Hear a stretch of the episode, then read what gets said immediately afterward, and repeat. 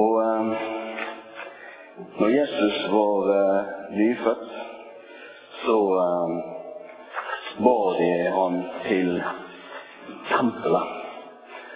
Og eh, vi, eh, vi skal nå få, få eh, gå inn i det som skjedde der.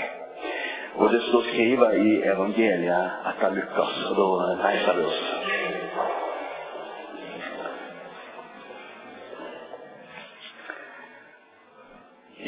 I Jerusalem var det da en mann som het Simeon.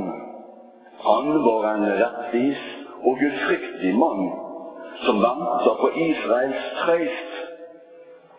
Den hellige ande var over han, og anden hadde han latt få vite at han ikke skulle se døden før han hadde sett han som Herren har salva. Nå kom han opp til tempelet driven av anden. Og da foreldra kom med Jesusbarnet for å gjøre med han som skikk og bruk var etter lova, tok Simon barnet i armene sine. Han lova Gud og sa, Herre, nå let du tjeneren din fare herifra i fred, slik som du har lova. For mine øyne har sett de frelse, som du har gjort i stand like for anletet på alle folk. Et lys til åpenbæring for heidningene og til ære for folket ditt, Israel. Far hans og mor hans undrer seg over det som var sagt om han. Og Simeon velsigna deg og sa til Maria, mor hans, Sjå, han har sett til fall og oppreisning for mange i Israel, og til et tegn som blir motsagt. Ja, og gjennom de egen sjel skal det gå et sverd.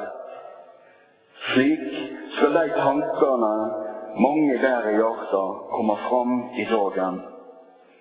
Slik lyder det hellige evangeliet. Vær så god.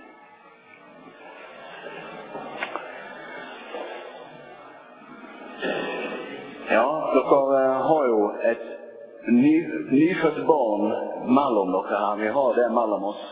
Og foreldrene har sikkert fått kommentarer, gratulasjoner. Så, så, så fin han er.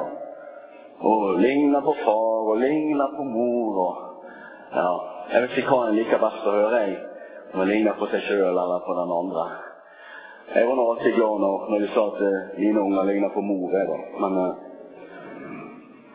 men det strekker seg liksom dit. Kanskje noen vil tenke ja, det lille barnet Vi håper at det, det, det, det vil være til velsignelse for dere.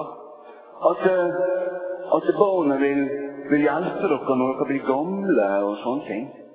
Det er jo kanskje sånt vi håper på som foreldre. At vi knytter bånd til barna våre som, som varer. Men Maria og Josef fikk høre noe helt annet.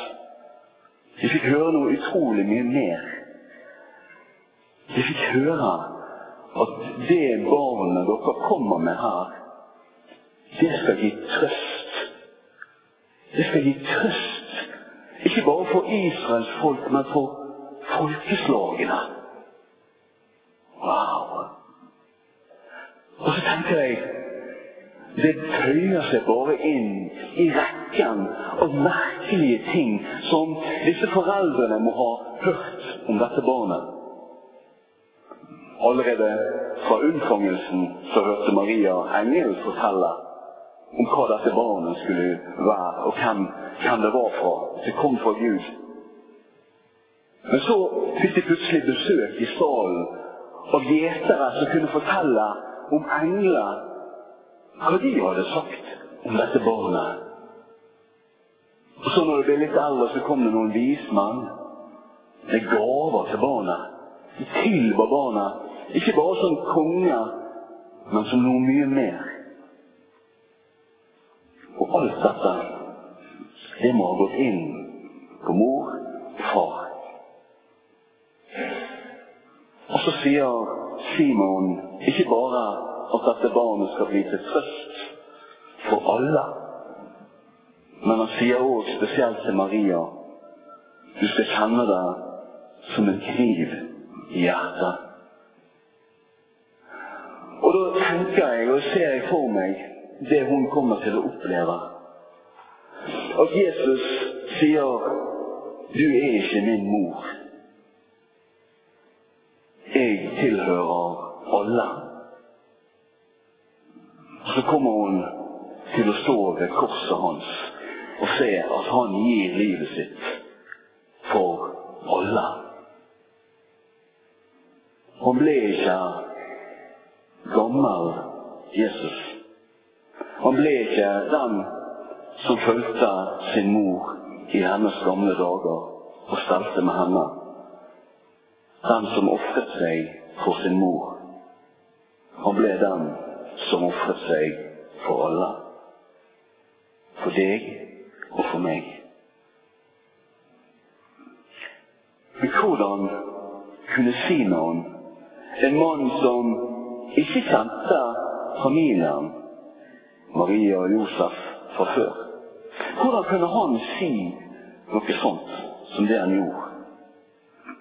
At du, dette barnet, skal bli til trøst for alle. Han var drevet av Anden, står det. Og da tenker jeg på det som står i Johannes evangeliet, det første kapitlet. At alle som tok imot Jesus, alle som tror på Jesus, er ikke født av mannens vilje. Er ikke født av menneske, kjøtt og blod, men er født av Gud. At Gud så i oss en tro. Gud så i oss en visshet og en trygghet som ikke alltid vi kan forklare, men som vi kan hvile i. Og trøste oss med. For hva er det som er poenget med Jesus egentlig? Da bruker Jesaja et flott bilde som passer veldig bra i dag. Han snakker om at folket skal få trøst. Som et barn som får bryst hos mor. Og da må vi tenke på det. Hva, hva skjer når et barn får bryst hos mor? Og mange av oss, kanskje spesielt vi karene, vi tenker fôring. Det er mye mer som skjer. Barna får nærhet. Og barna får øyekontakt. Og det er det som er hele poenget. Sånn som Simon tenker det, og sånn som profeten Jesaja tenker det. At dette barnet, når det er trøst for folket, så er det Gud som kommer nær til oss. Det er Gud som ser oss i øynene.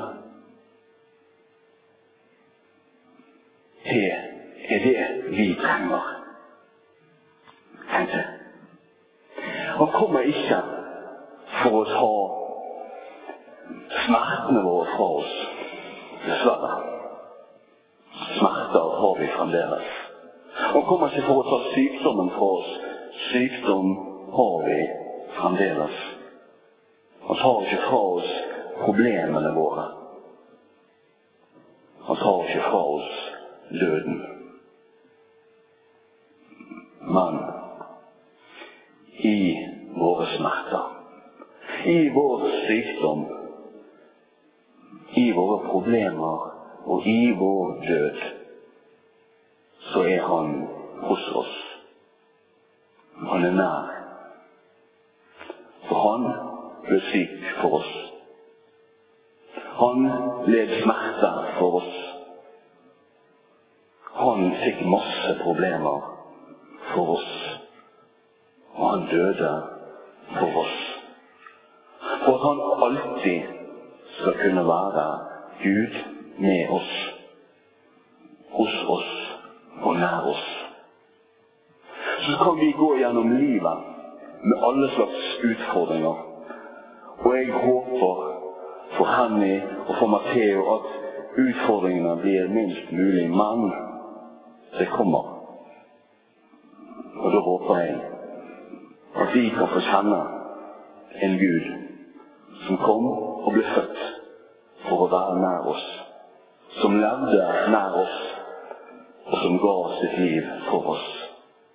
Så vi aldri skal tvile på at han er nær, og at han ser. Da kan han gi oss trøst gjennom hele livet og inn i det evige livet. Og hva gjør Simon med dette? Jo, han takker og han priser.